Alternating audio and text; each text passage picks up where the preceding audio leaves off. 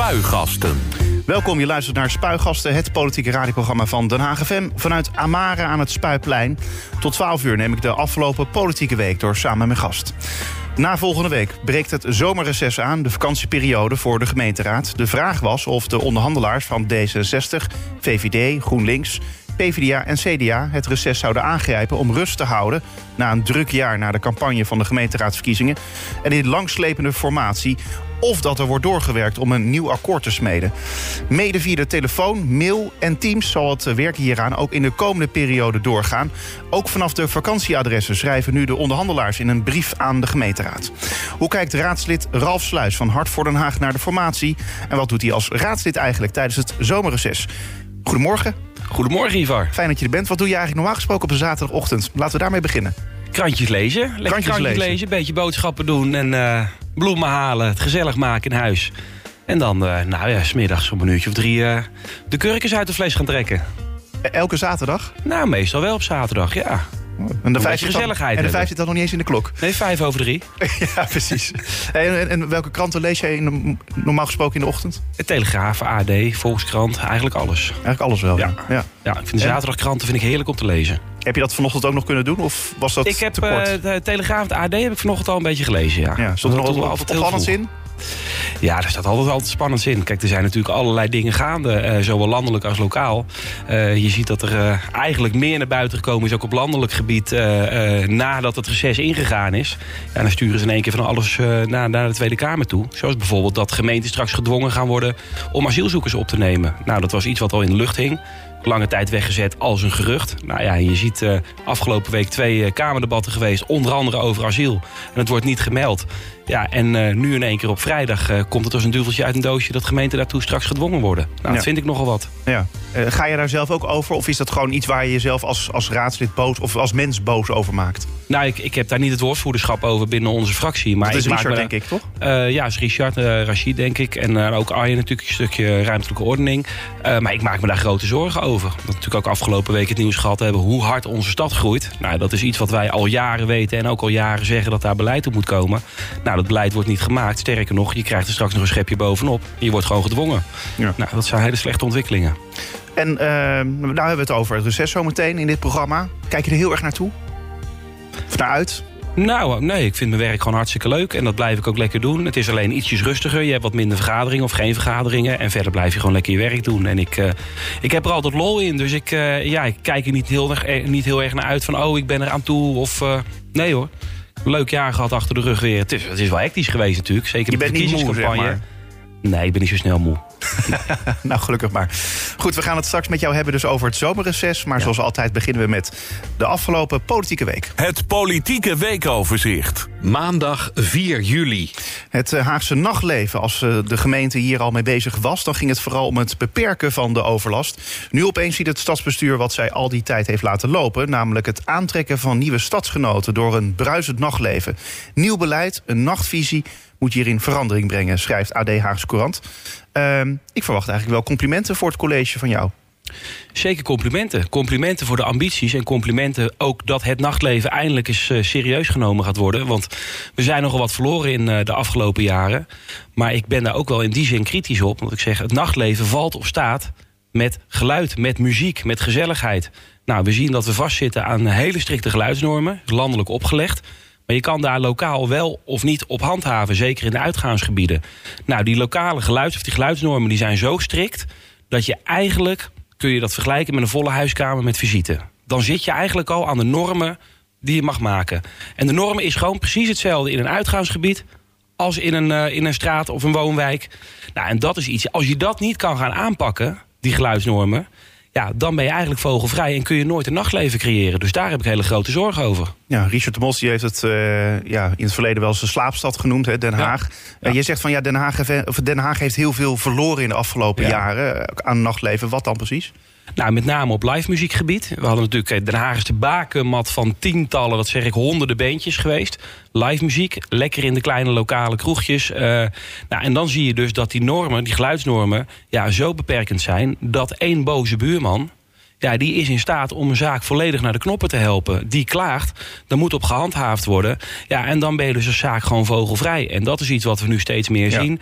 Ja, ondernemers worden echt op kosten gejaagd duizenden euro's sowieso aan maatregelen om ja, proberen de geluidsbeperkingen eh, eh, binnen je zaak eh, te krijgen. Maar ook aan boetes. Die lopen op tot duizenden euro's en tot aan sluiting aan toe. Ja, maar je doet nou net alsof Den, Den Haag nu helemaal geen eh, nachtleven meer heeft... en geen bandjes meer heeft, dat er geen optredens meer zijn. Die zijn er toch ook nog nog steeds? Die zijn er zeker, maar Den Haag is altijd wel ook een, eh, het nachtleven gehad, ook op kleinschalig gebied.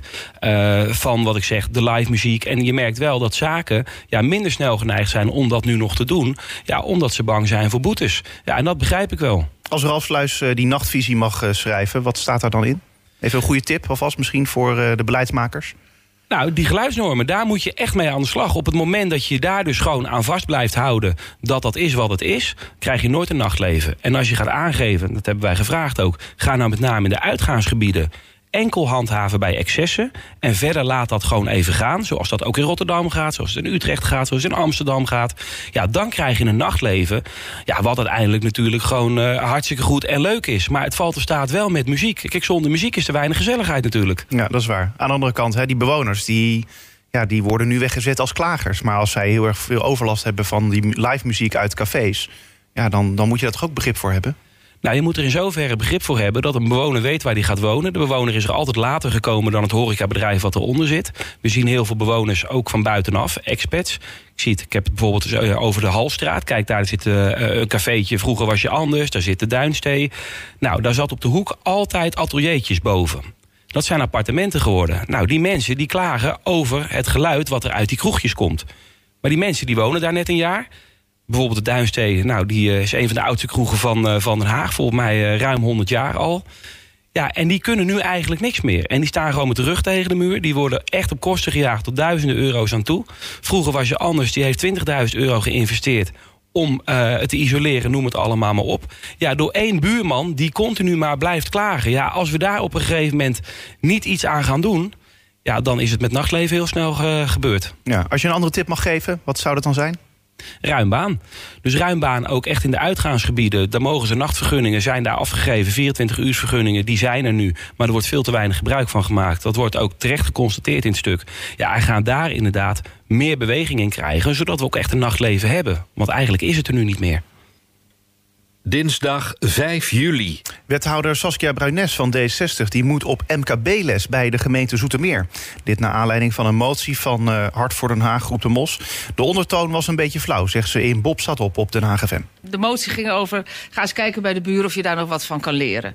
Nou ja, dat doen we natuurlijk altijd, hè, want het is altijd goed om eh, te kijken hoe dingen in de andere gemeentes gaan. En dat, eh, dat doen we ook heel vaak. En in dit geval ging het om een, een onderzoek over de tevredenheid van, eh, van MKB over de dienstverlening van de gemeentes. En Zoetermeer kwam daar als beste Zuid-Hollandse gemeente uit. En wij hadden wel een voldoende 6,4, maar we willen eigenlijk veel hoger. Dus daar ging, was de discussie over gegaan van wat kunnen we nou doen om die tevredenheid in Den Haag omhoog te krijgen. En wat hebben we al gedaan? Dus Ja. ja, dan kan ik natuurlijk niet gaan zeggen van ja, nee, eh, ik ga niet kijken hoe de buren het doen. Want dat doen we sowieso altijd al. Ja. Dus ik heb gezegd, eh, nou joh, als jullie deze motie aannemen, prima. Want hij is eigenlijk, zegt hij precies wat ik al doe. Alleen de ondertoon was natuurlijk een beetje flauw. Ja, en maar ik kan me wel voorstellen, wat jij al zegt, van het, het is al mijn werk. Het is al wat ik doe natuurlijk, Ja, met mensen overleggen en met, buren gaan kijken. Dus ik kan ook inderdaad voorstellen van, hé, hey, dat is flauw. Ja, het was ook een beetje flauw. Maar goed, weet je, eh, dat, dat mag ook in de politiek. Dus ik maak er ook verder niet zo'n punt van. En ondertussen gaan we gewoon wel door met het verbeteren van de dienstverlening. Want we willen wel een stapje naar voren. Ja, was het niet een beetje flauw, eh, Ralf? Nee, het is helemaal niet flauw. Nee, we staan op eh, plek 316 van de volgens mij 351 gemeentes. Ja, dan eh, kun je natuurlijk niet zeggen dat het lekker gaat. Dus dat heeft met flauw, eh, flauw zijn niks te maken. Nee, maar aan de andere kant, hè, zij zij geeft ook de uitleg van... Hè, wij kijken juist al heel veel naar andere gemeenten die het beter doen dan Den Haag. Ja, er wordt veel gekeken en weinig gedaan. En als je op plek 316 staat als derde stad van Nederland in je dienstverlening. Nou ja, en we weten natuurlijk ook hoe het is hier in Den Haag. Ik heb een mailbox vol van ondernemers die continu verdwalen in het Dolhof wat IJspaleis heet. Vergunningen die ruim een jaar duren of langer eh, voor, voor, voor vier tafeltjes en, eh, en, en acht stoelen. Eh, dat zijn dingen die gewoon gebeuren. En ik, ja, dan kunnen we niet zeggen dat het met de dienstverlening lekker gaat. En dat ik zeg, ja, wethouder Bruines moet op bijles bij de buren. Ja, dat is ook met een knipoog geweest. Zo heb ik het ook altijd gezegd.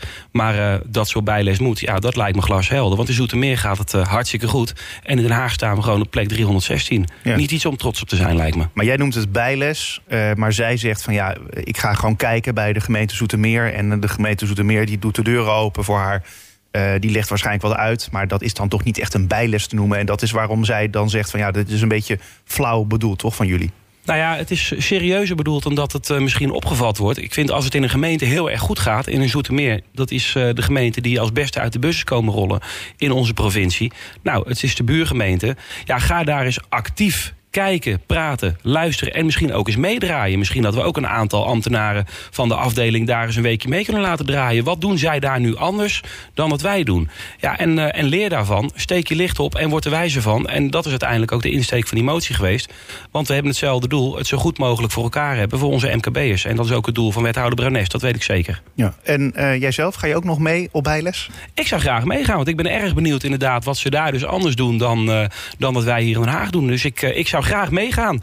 En dan uh, nou, kan ik met wethouder Bruines nog uh, uit, ja, misschien wel een gesprek hebben... dat het helemaal niet zo flauw bedoeld was. Het is vooral een aansporing tot. Oké, mooi. dan nog iets anders van deze dag. diefstal, overlast en onveilige situaties. De speeltuin in Waldek, vlakbij basisschool Het Lichtbaken... is volgens Hart voor Den Haag te vaak het decor van ongewenste incidenten. Met schriftelijke vragen trekt de partij aan de bel. He, je weet, het heeft allemaal te maken natuurlijk met, met onvoldoende capaciteit bij de politie en de gemeentelijke handhavingsorganisatie. Want je kunt niet overal zijn. Nee. Dus he, je zult dit soort incidenten altijd blijven hebben, toch? Dus waarom moet je daar vragen over stellen? Nou, je moet altijd vragen stellen over uh, zaken die mensen aangaan. En dit is een Waldek. En we hebben de, nou, dit is het speeltuintje. Maar we hebben afgelopen week ook gezien dat er enorm veel overlast was van, uh, nou ja, gewoon tuig. Uh, jongeren, maar het werd baldadigheid genoemd, maar het is tuig. Ze trokken de klinkers uit de straat waar ze mee gingen gooien. Er is een busje, is er vernield. ja, en dat is overlast die structureel van aard is. Dus het is geen incident, het is structureel.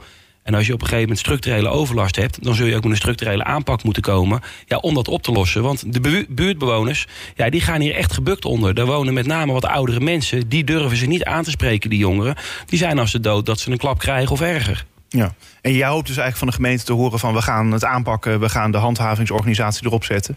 Nou, er zijn natuurlijk verschillende mogelijkheden. Wij hebben gezegd, ga eens kijken of je misschien met mobiel camera toezicht... tijdelijk ja, het, uh, het kan monitoren. Dat heeft al een preventieve werking. Want je ziet dat het eigenlijk een waterbedeffect is. Omdat er in andere gebieden rondom Waldek wel camera toezicht is. Ja, gaan ze nu hier naartoe. Dat is precies wat er gebeurt. Dus dan zou je daar ook camera toezicht moeten inzetten preventief. Maar ook meteen in het snotje hebben als er echt iets misgaat. Ja, en pleinstuurts. We hebben daar uh, om gevraagd. Dat is iets wat ze in Rotterdam hebben. Op plekken waar overlast uh, geconstateerd is of waar overmatige overlast is, gaan ze nu met pleinstuurts werken. Nou, Rachid uh, die heeft dat ook gevraagd in het verantwoordingsdebat. Dat was in de commissie. De burgemeester heeft gezegd dat hij daar heel wel willend naar wil kijken. Die heeft eigenlijk de toezegging gedaan om dat ook voor Den Haag eens te gaan onderzoeken. Nou, laten we daar in Waldeck eens mee beginnen dan. Dan nog iets anders van uh, die dag. Ja, er zijn veel onderwerpen van deze dag geweest. Uh, de gemeente Den Haag heeft door een fout ruim 4,2 miljoen euro te veel subsidie overgemaakt aan 66 stichtingen en 7 personen. Dat meldt mediapartner Omroep West. De gemeente verwacht dat het uh, totale bedrag weer terugkomt. De fout die kon ontstaan door een miscommunicatie op de afde afdeling transactieverwerking.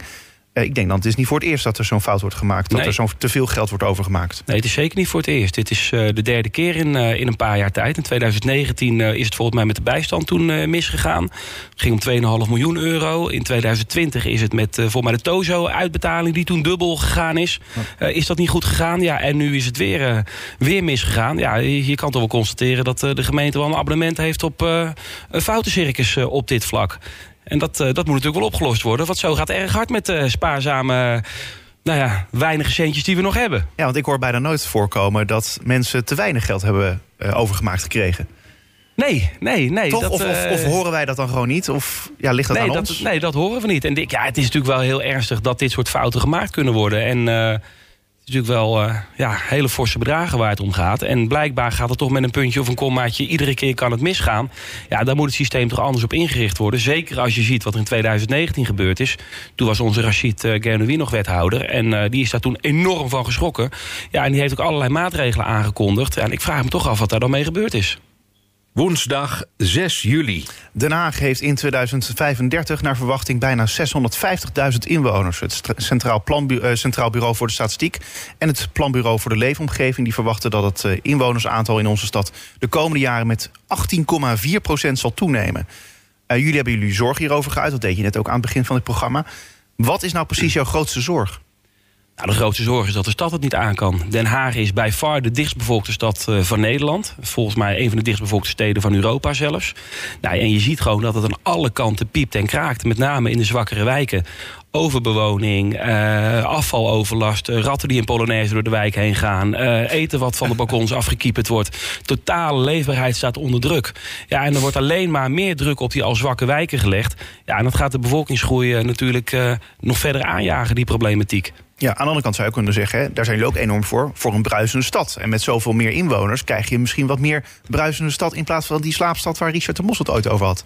Ja, maar laten we het eerst gewoon gaan bruisen eh, op eh, de manier zoals wij die bedoelen. En het bruisen van eh, de stad, dat is natuurlijk niet bedoeld door zoveel mogelijk mensen naar de stad toe te halen. En met name in de wijken neer te zetten waar de problemen al enorm zijn. En wat ik helemaal bijzonder vind, is ook dat ve- vertegenwoordiger van de VVD dan schrikt. Die zet op Twitter, Rutger de Ridder heet die. Die zet dan op Twitter, ja, hier schrik je toch van 650.000 inwoners. Dan denk ik, ja, Rutger, onder welke steen heb je gelegen? Je bent de notabene ook nog eens een vertegenwoordiger van de VVD. De partij die de afgelopen twaalf jaar niet één migratie- of immigratiebeperkende maatregel genomen heeft. Sterker nog, onder 12 jaar Rutte zijn er nog nooit zoveel nieuwkomers naar dit land gekomen. Eh, onder Balkenende. Toen was het het laagste. Nou, drie keer raaien wie er toen aan de knoppen zat. Rita Verdonk. En je ziet nu dat er gewoon in de afgelopen jaren VVD... een stad zo groot als Amsterdam hier naartoe gekomen is.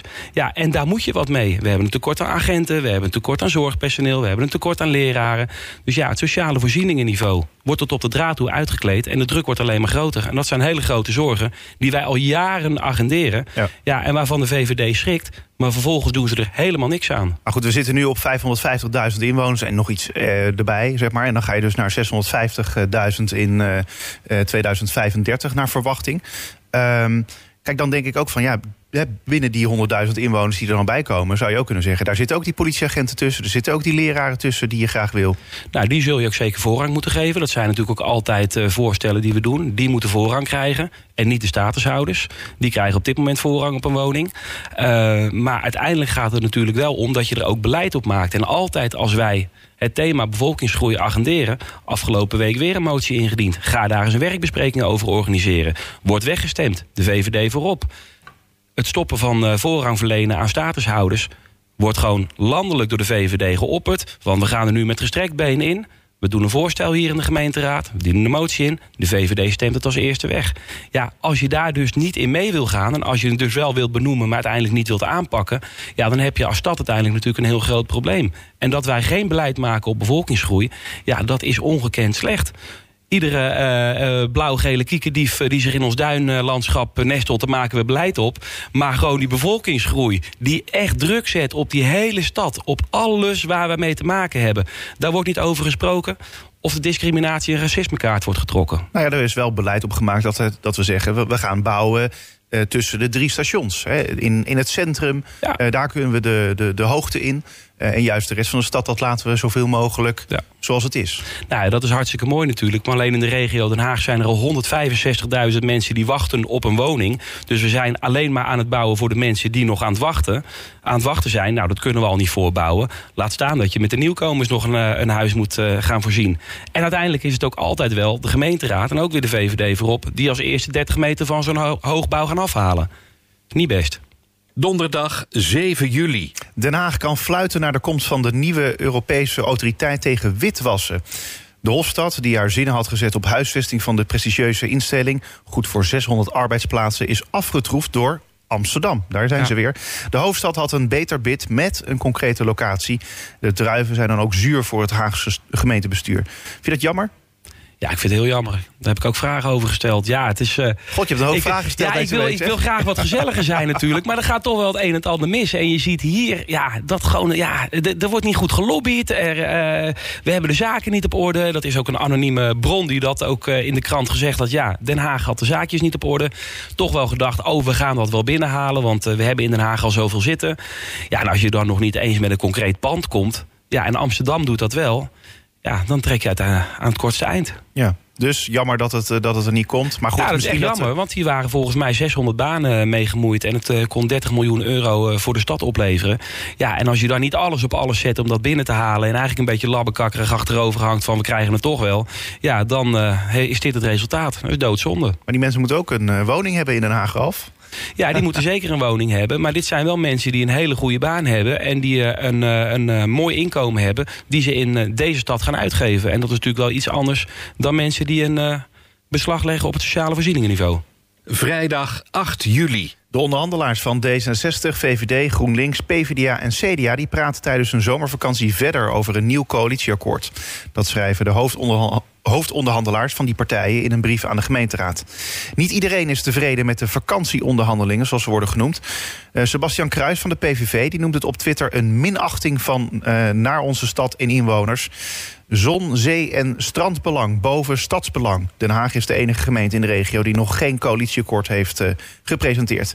Vind jij het zelf nou al verstandig dat ze tijdens die vakantie doorgaan? Of zouden ze beter wat rust kunnen nemen? Want dat leidt wel vaak tot wat misschien wel betere inzichten. Nou ja, wat mij betreft eh, zeggen ze van we gaan een weekje later met vakantie... en we gaan gewoon nog een week onderhandelen en dan komen we met een akkoord. Want het eh, duurt natuurlijk veel te lang dit. En we hebben het niet over het eh, uitvinden van het wagenwiel wat ze zitten te doen. Het is een doorstart. Het is gewoon een doorstart van een college. Wij noemen het al de magnetroncoalitie. Het is een opgewarmde prak. Nou, ze zijn die prak al maanden aan het opwarmen. Maar eh, er komt weinig warmte in, heb ik het idee. Aan de andere kant, je zou ook hè, kunnen zeggen van... misschien is het tactiek, hè, dat als mensen op vakantie zijn... dan gaan ze misschien ook sneller akkoord... Omdat ze dan bijvoorbeeld aan het zwembad zitten... of ze, zitten, of ze liggen aan het, eh, aan het strand of op een camping zitten ze... en dat ze dan via Teams moeten onderhandelen. Ja, dat is niet fijn. Nee, ja, ik, ik, kunnen zijn? Ik, ik, ik weet niet hoe ze het doen. Kijk, wat mij betreft gaan ze met elkaar met de vouwwagen op pad... en zorg je ervoor dat je het geregeld hebt. Ik, eh, er moeten prioriteiten gesteld worden. En de stad wordt al maanden niet bestuurd. Nogmaals, we hebben het over een doorstart. Het is niet zo dat deze mensen elkaar opnieuw moeten leren kennen. Het is ook niet zo dat, zoals Donna suggereerde... dat ze heel erg verrast kunnen zijn door de financiële situatie van de stad. Eh, die is al jarenlang bekend. Sterker nog, er zitten vier wethouders aan tafel... Ja, dat je dan laat verrassen door de financiële situatie... vind ik al heel gek. En dat het al maanden duurt, ja, dat is ongekend slecht voor de stad. En ik heb het idee dat ze er eh, gewoon niet uitkomen... en dat ze het eh, heel moeilijk hebben met elkaar. Ze zijn de afgelopen jaren ook rollenbollend over straat gegaan met regelmaat. Ja, en als je er nu niet uitkomt, ja, waar zit het dan op vast? Nou, dat is de vraag. Beantwoord hem eens. Nou ja, beantwoord hem eens. Ik, ik, ik hoor wel geruchten in de wandelgangen. En dat eh, schijnt met name op de personele bezetting te zitten. Eh, ik hoor dat D66 drie wethouders eh, wil hebben. Ja, en dat dat misschien nog een beetje gevoelig ligt. En ik ga er ook vanuit dat de VVD daarvoor gaat liggen. Nou, het is op zich logisch, want ze zijn de grootste partij geworden. Eh, ja, dat zijn wij ook ooit geworden. En toen hebben we het allemaal 2-2-2 gedaan. Ja, jullie Dus keuze geweest. De Dus kleinste partij kreeg toen zelfs twee wethouders. Want je moet elkaar ook wat gunnen. En dat is uiteindelijk, denk ik, binnen een coalitie ook heel belangrijk. Dat je elkaar ook wat gunt. Dat je ook ervoor zorgt dat je wat kleur op je wangen houdt. Zodat je ook na vier jaar naar je eigen achterban... en je eigen kiezers nog eh, wat uit te leggen hebt. Dat je in ieder geval kan zeggen... nou, dit, dat en dat hebben we voor elkaar gekregen. Dus dat is ook de basis geweest waarop dat eh, toen gebeurd is. Nou, en ik denk dat ze daar gewoon heel snel uit moeten komen. Want op die inhoud, ja, ik zou niet weten waar het daar op vast kan zitten. Want ze maken een doorstart. Ja, en dat het dus op, over de poppetjes gaat... ja, dat is niet goed voor de stad. Nou, laten we dan gaan kijken naar de inhoud. Zaterdag 9 juli. Bezuinigingen en hogere lasten die zijn onvermijdelijk in Den Haag. Vrijdag maakte D60, VVD, GroenLinks, PvdA en CDA dus bekend... dat de formatie onder leiding van CDA-prominent Piet Hein Donner langer gaat duren. Grootste knelpunt is het ontbreken van geld... waardoor de onderhandelaars lastige keuzes moeten maken. Omroep West die sprak met Robert van Asten, de partijleider van D60 en onderhandelaar. Eh, de vraag die aan hem wordt gesteld is of er bezuinigingen en lastenverzwaring dreigen. Van Asten die antwoordt dan absoluut. Daar moet je aan denken. Je moet kijken welk beleid is effectief en wil je doorzetten. En van welk beleid zeg je, daar stoppen we dan maar mee. Terwijl je dat wellicht liever had willen doorzetten. En op de kritiek dat een deel van de oppositie het kwalijk eh, vindt dat er nog geen akkoord is, reageert hij. Wij zijn ons terdege bewust van de problemen in de stad. En daar willen we hard aan werken. Dat zijn we als college samen met de gemeenteraad al volop aan het doen. Maar er is echt behoefte aan een goed plan. En daarom blijven we deze zomer in verschillende samenstellingen gewoon doorwerken. En dan hopen we na de zomer iets te kunnen presenteren. Kortom, ze willen het niet afraffelen, Ralf. Nee, dat ze het niet willen afraffelen, dat is wel duidelijk. Ze zijn al maanden aan het onderhandelen, dus eh, over afraffelen kunnen we niet meer spreken. Maar eh, ja, waar ze mee gaan komen, ja, dat, eh, dat is wel iets wat ons natuurlijk allemaal bezighoudt. En ja, wat ik net zei, de financiële situatie is al eh, jaren bekend. Dus dat kan geen verrassing zijn. Het is een doorstart van een coalitie. Dus ook in dat opzicht hoeven ze elkaar niet opnieuw te leren kennen. Ja, en dat het zo lang moet duren allemaal, is heel slecht voor de stad. En ook het signaal, dat vinden wij heel belangrijk. Inderdaad, we komen geld tekort. Daar zijn we het ook allemaal over eens. Dat heeft met name te maken met al die taken die het Rijk natuurlijk de afgelopen jaren over de schutting gekieperd heeft van de gemeente. Nou, dus ook in Den Haag, zonder het bijbehorende geld te leveren. En dan zeggen wij, ja, als je dat op een gegeven moment dus niet krijgt, dan zul je misschien taken terug moeten geven. Taken neer moeten gaan leggen. Tegen het Rijk zeggen, joh jongens, tot hier en niet verder. Wij kunnen dit niet meer. Wij stoppen ermee. Totdat u gewoon aan de lat gaat staan voor het benodigde geld. Nou, en daar hebben we ook weer een motie ingediend. Heb ik vorig jaar al gedaan toen ik het begrotingbehandeling deed. Ja, dan zeg je, ja, maar dat kunnen we niet doen. Terwijl de gemeente zelf een motie heeft gesteund bij de VNG... die opriep tot zonder geld geen taken. Maar als je het uiteindelijk dan niet wilt uitvoeren... wel blaffen, maar nooit bijten... ja, dan rollen ze aan het Binnenhof natuurlijk over de grond van het lachen... van zoveel doortastendheid. Ja, nou ja, ik vind het wel lastig, hè, want uh, de, deze partijen die, die weten inderdaad van tevoren wel dat ze moeten bezuinigen, maar ze wisten dus niet hoe, hoe zwaar het allemaal zou zijn. Wat dat betreft mag je ook blij zijn als Hart voor Den Haag misschien dat je niet in deze coalitie, dat je überhaupt in een coalitie bent gestapt, want dan had je ook deze lastige keuze moeten maken. Nee, daar ben ik helemaal niet blij mee, want we zijn de grootste partij van de stad geworden. We vertegenwoordigen ruim 30.000 kiezers en wij horen in het college te zitten.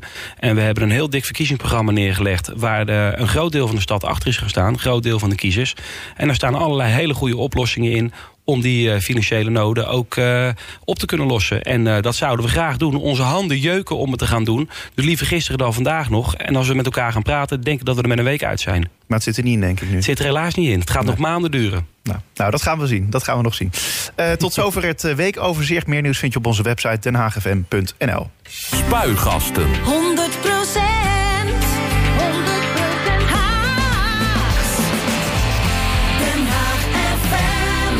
Wat doet raadslid Ralf Sluis van Hart voor Den Haag als raadslid tijdens het zomerreces? Hij is te gast in Spuigasten. Nou, dat is toch een leuke vraag, Ralf? Dat is een hartstikke leuke vraag, ja. Be, ik, ik, ik weet alleen net... ik een heel leuk antwoord heb. Nou, dat, dat, dat, in ieder geval, jij, jij bent niet aan reces toe, zei je net.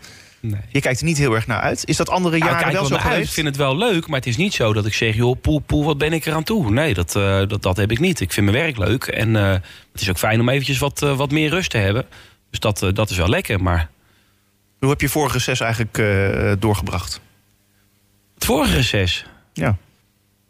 Dus dan hebben we het ja. over het vorige zomer, zomerreces, moet ik even bijzeggen dan. Ik ben niet echt op vakantie geweest volgens mij. Uh, want ik vind het eigenlijk altijd als het lekker weer is. Ja, dan vind ik Den Haag de mooiste stad uh, van Europa, misschien wel van de wereld. Dus dan hoef ik eigenlijk niet echt weg. Dan ga ik lekker nou, op de nou, fiets. Nou, nou, nou. nou ja, ik ben altijd heel blij hier. En dan ga ik lekker op de fiets naar het strand toe. En uh, lekker boeken lezen. En, en lekker met vrienden gezellig op pad. En ja, dat vind ik altijd leuk. Er zijn altijd veel leuke festivals in de zomer. Het zijn natuurlijk de afgelopen twee jaar niet echt verwend geweest. Maar we kunnen nu gelukkig wel weer leuke dingen doen. Ik ga nog naar de Vierdaagse van Nijme Nijmegen volgende week. Uh, Roze Maandag in Tilburg ga ik nog heen, wat ik leuk vind. Uh, we varen met een boot mee uh, in Amsterdam met de Kennel Pride. Hartstikke leuk. Dus met een Haagse kroeg, achterom. Waar ik ook graag kom. Dus allemaal leuke dingen. En dat vind ik hele leuke dingen om te doen. Ja. Plus de boeken lezen die, die er op de stapel liggen. Ja, en dat heb je nu ook weer voorgenomen voor de komende weken? Ja, daar heb ik echt heel veel zin in. Want ik merk gewoon dat ik daar eigenlijk te weinig rust voor heb om, uh, om nog eens lekker te lezen. En ik vind eigenlijk altijd lezen heel erg leuk. Maar ik merk dat ik sinds ik dit werk doe, het niet echt heel veel meer doe. En, ik het eigenlijk alleen maar lekker in het reces doet. En uh, nou, vind ik heerlijk. Ik ja. vermoed dat het uh, politieke boeken zijn. Ook. Zijn zeker politieke oh, boeken. Jee. Ja, ja, ja. dus je bent toch ook tijdens je uh, vakantie Ja. ben je toch weer bezig met werk. Ja, ik vind het leuk. Ja, dat snap ik. Dat, dat, dat, dat is beduidelijk. Die nu ook, interesse heb jij ook. Dus Zeker. dat, ik, ik maak me er ook schuldig aan, dat klopt. Ja. en biografieën vind ik leuk om te lezen. En ja, inderdaad, politieke boeken. En ja, Dus welke bijvoorbeeld? Nou, ik heb nog steeds, uh, even kijken, um, dat laatste boek van Lubbers liggen. Nou, De- een tijdje oud volgens mij, ja. Ja, uh, en die heb ik nog steeds niet gelezen. Wat heb ik nou nog meer liggen? Uh, ik heb nog een boek over de toeslagenaffaire liggen. Die wil ik heel graag lezen. Uh, Ja, ik heb er best wel wat besteld en dan leg ik ze eigenlijk op de stapel. Want ik vergeet het anders, denk ik, ga ik het vergeten. Dus dan bestel ik ze.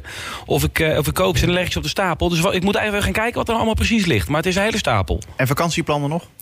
Nee, niet echt. Dus misschien, eh, nou, als ik ergens zin in heb of eh, we willen even ergens naartoe rijden, dan, dan kan dat natuurlijk altijd. En, maar Duin, we hebben nog hè? niet. Kijk Duin.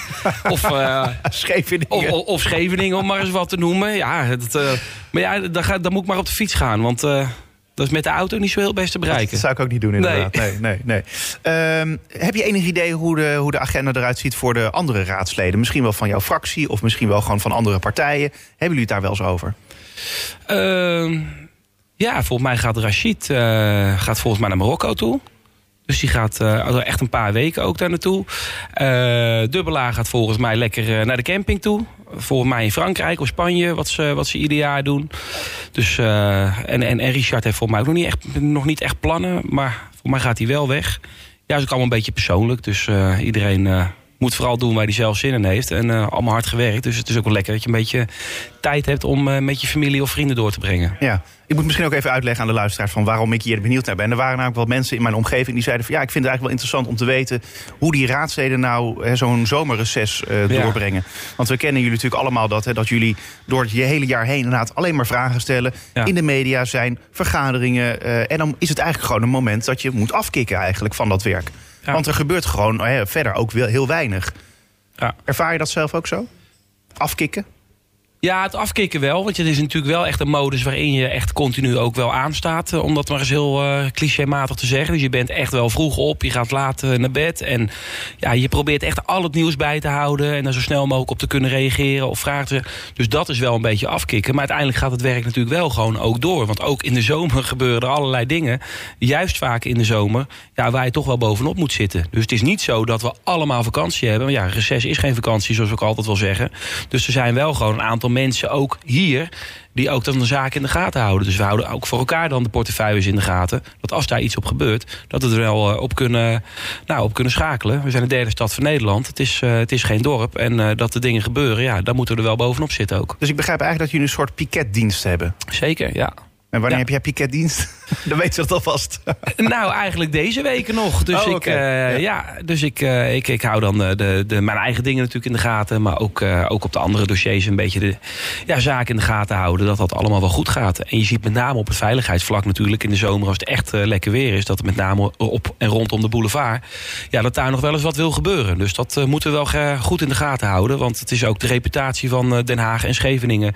die we daarmee eh, op het spel kunnen zetten. Dus dat moet goed... eh, Goed behandeld worden. Ja. Is het nou zo, want eh, normaal gesproken op maandagavond natuurlijk de, de fractievergaderingen, gaan die dan ook nog door tijdens het reces, Nee, maar dan in, in kleinere vorm? Nee, dat niet. Het is eh reces natuurlijk eigenlijk in zoveel dat er geen vergaderingen zijn. Dus er zijn geen commissievergaderingen, geen raadsvergaderingen. Nou, in een fractievergadering bereid je die dus altijd voor. Dus als die er niet zijn, dan is de fractievergadering er ook niet.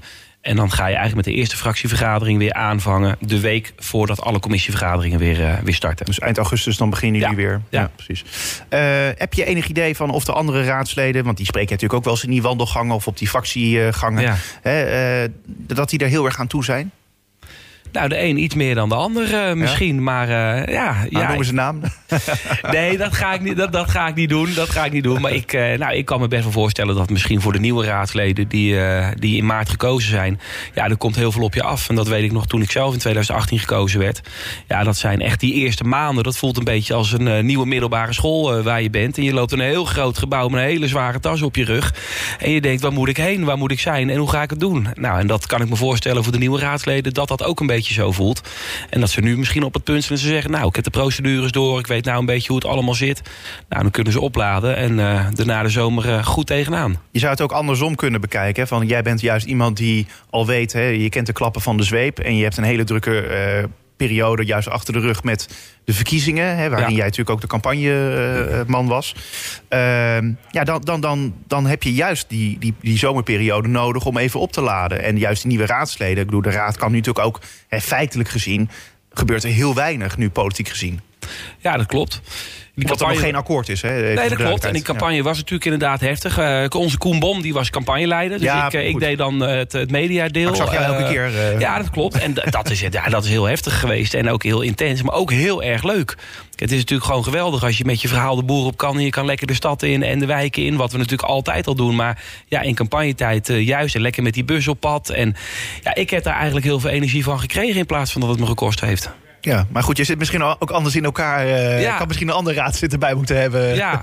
die, daar, die daar wat anders naar kijkt. Ja, misschien wel. En, eh, en ja, nee, ik vond de campagnetijd echt hartstikke leuk. Ja.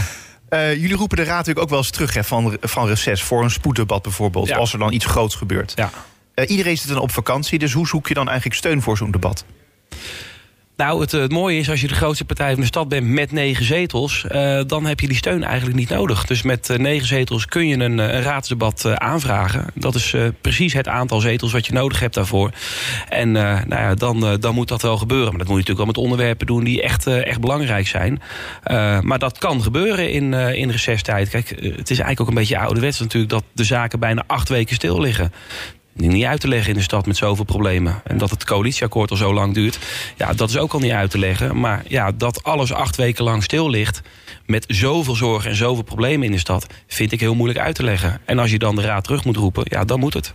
Maak je dan eigenlijk nog wel een afweging, en niet, niet per se jij misschien als, als raadslid, maar gewoon als fractie, van ja, wat het ook doet met de werkdruk van andere mensen? Want je vraagt wel wat van ze, hè? gewoon terugkomen van vakantie. Kijk, je hebt zelf wel eens een keer gezegd van het is een deeltijdbaan, het zou een fulltime baan moeten zijn, Ja. maar dat is het nu niet. Nee. Dus het is voor heel veel mensen is het gewoon erbij, het is extra, het is heel veel extra. Dan moet je toch eigenlijk ook nadenken van, hè, in je achterhoofd houdend van ja, dit, dit, hier vraag je echt wel heel veel van andere mensen. Ja, dat klopt. Maar mensen krijgen daar ook een keurige vergoeding voor. En eh, die wordt iedere maand netjes betaald. En als er problemen zijn, dan moeten we, er gewoon moeten we er gewoon staan. We zijn het hoogste orgaan van de stad. Er zijn heel veel problemen. En ja, als er iets zich voordoet waarvan je zegt... hier moeten we gewoon met spoed over praten... ja, dan is het heel vervelend voor mensen om ze misschien terug te roepen. En misschien zal ook niet iedereen er kunnen zijn. Hè, want je kan ook niet altijd allemaal maar terugkomen. Dus eh, daar is natuurlijk alle begrip voor. Maar uiteindelijk moeten we er wel voor zorgen... dat we de zorgen van de mensen in de stad oplossen. En als zich een probleem aandient dat we dat met elkaar bespreken. Ja, en dan zijn de zorgen van die 600.000 mensen in de stad mij iets meer waard ja, dan de zorg van 45 raadsleden die misschien ergens van terug moeten komen. Ja, eh, aan de andere kant, hè, eh, denk je dat, dat, er, dat er misschien deze zomer... Hey, gewoon in de, de glazen bol kijken... want ik, ik heb wel de indruk dat jullie bijna ja, recordhouder zijn... op elke zomer wel eh, vragen, eh, een spoed, maar, spoed, spoeddebat aanvragen. Ehm, dus, dus gaan jullie deze zomer weer een spoeddebat aanvragen? Nou ja, ik heb geen glazen bol natuurlijk, dus ik weet niet wat er aan, eh, wat er aan zit te komen allemaal. Maar eh, ja, als, als, nogmaals, als zich een probleem aandient of iets wat gewoon met eh, spoed besproken moet worden... ja, dan uh, deinzen we er niet voor terug om dat te doen inderdaad. Nee, dat weet je, dat weet je natuurlijk nog niet. Je weet niet nee, wat er gaat gebeuren. En, en ik, ik hoop ook dat het niet gebeurt, want dat, eh, dat zou zeggen dat het, eh, dat het goed gaat... en dat we geen zorg of geen problemen hebben. En ik hoop dus inderdaad dat we dat ook kunnen houden. Maar ja, wat ik net zei, misschien als er op de boulevard eh, zich iets ernstigs voordoet... of op een ander vlak in de stad, ja, dan zou het zomaar kunnen zijn... dat je daar toch met elkaar over moet praten, vakantie of niet. Ja. Eh, aan het einde van zo'n reces, hè, kan je dan echt niet wachten om elkaar weer te zien? Of heb je zoiets van, eh, nou, het had wel langer mogen duren? Nee, wij zijn altijd wel blij om elkaar te zien. We hebben een heel leuk team. En, uh, en we hebben gisteren ook nog uh, ja, met, de, met de fractie dan een, leuke barbecue gehad. Om ook uh, ja, dat jaar wat we achter de rug hebben. En ook met de nieuwkomers. Want wij hebben natuurlijk ook een aantal nieuwkomers. Ja, ook even te proosten en met elkaar te bespreken. Hoe hebben we het ervaren de afgelopen periode? En hoe doen we het als team? Hoe voelen we ons als team? Nou, ik denk dat we laten zien dat dat hartstikke goed gaat. We hebben ervaring, we hebben nieuwkomers. En we hebben vooral ook wel een beetje humor met elkaar. We kunnen lachen met elkaar, we kunnen gezellig hebben met elkaar. En ik denk dat dat uh, ook voor iedere fractie en ieder team heel erg belangrijk is. Heb je nog een wens voor uh, het komende politieke seizoen? Want je gaat straks uh, het zomerreces in. Dan ga je even wat boeken lezen. Dan ga je een beetje de boel overdenken. Wat wens je dan voor de komende tijd? Wat ik wens is dat de zorgen van de mensen in de stad echt serieus genomen gaan worden. En dat het nieuwe coalitieakkoord wat er gaat komen, waar ik met angst en beven uh, naar uitkijk. Ja, dat daar dus wel echte zorgen in, uh, in meegenomen worden en opgelost gaan worden die er in de stad leven. Maar als ik de ja, verhouding zie van de coalitie en de doorstart die zij maken. en de afgelopen jaren bekijk... dan vrees ik met grote vrezen dat dat niet gaat gebeuren. Nee. Ehm, kortom, hoe ga je het zomerreces in? Je bent nog steeds eh, goed geluimd, ook na dit Ik gesprek. ben hartstikke goed geluimd en ik mocht natuurlijk bij jou te gast zijn vandaag. En eh, dat vind ik altijd een feest.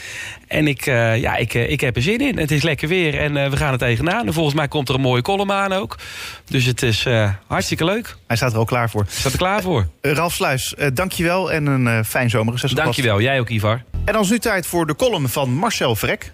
Stadgenoten, het afscheid van Remco Kampert raakt mij meer dan het vertrek van Boris Johnson.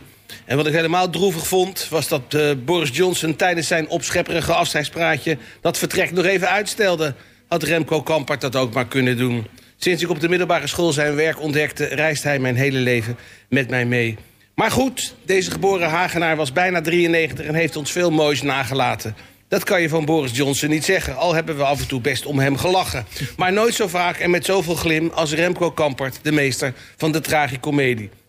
De zin van het leven is het leven zelf. Kunt u die zin nog even herhalen? Jawel, de zin van het leven is het leven zelf. Dat het ooit ophoudt maakt het leven niet zinloos. Juist de eindigheid inspireert tot grootste daden van allerlei allooi.